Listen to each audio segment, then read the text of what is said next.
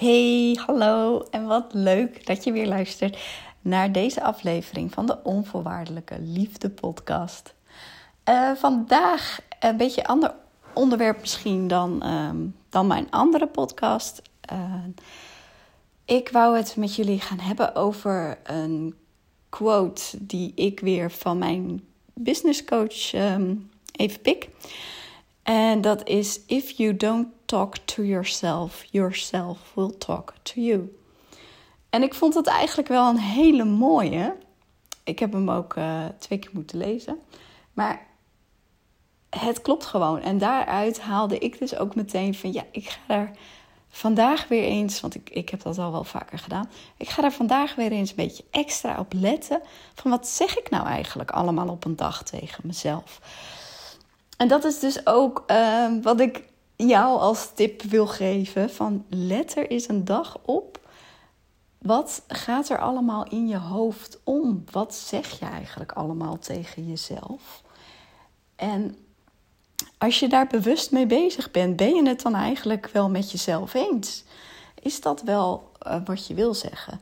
Want daar zit hem natuurlijk ook uh, de clue in. Als je dat kan veranderen, wat je tegen jezelf zegt, en dat kan je, dan verandert er iets in jouw mindset.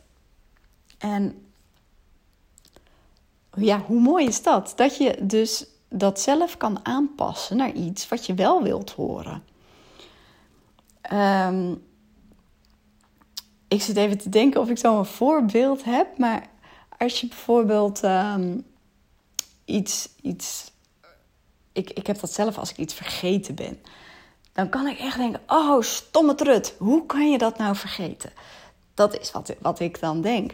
Maar als ik, als ik daar dan even over nadenk, ik vind mezelf helemaal geen stomme trut.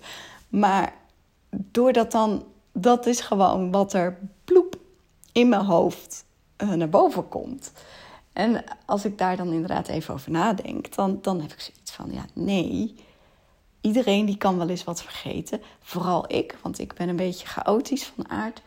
Dus ik vergeet af en toe dingen. Zorg er ook wel voor dat ik heel creatief met dingen om kan gaan.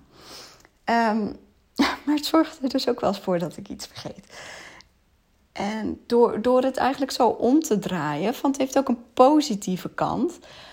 Ik raak dus niet zo snel van slag als de dingen anders lopen als dat ze gepland waren dan ben ik meestal vrij creatief met last minute oplossing uh, bedenken. Uh, bijvoorbeeld, mijn auto is kapot. Uh, dan schiet ik niet in de paniek. Maar dan heb ik dus iets van: oké, waar haal ik last minute een auto vandaan? Nou ja, we hebben aan allebei de kanten hele lieve buren.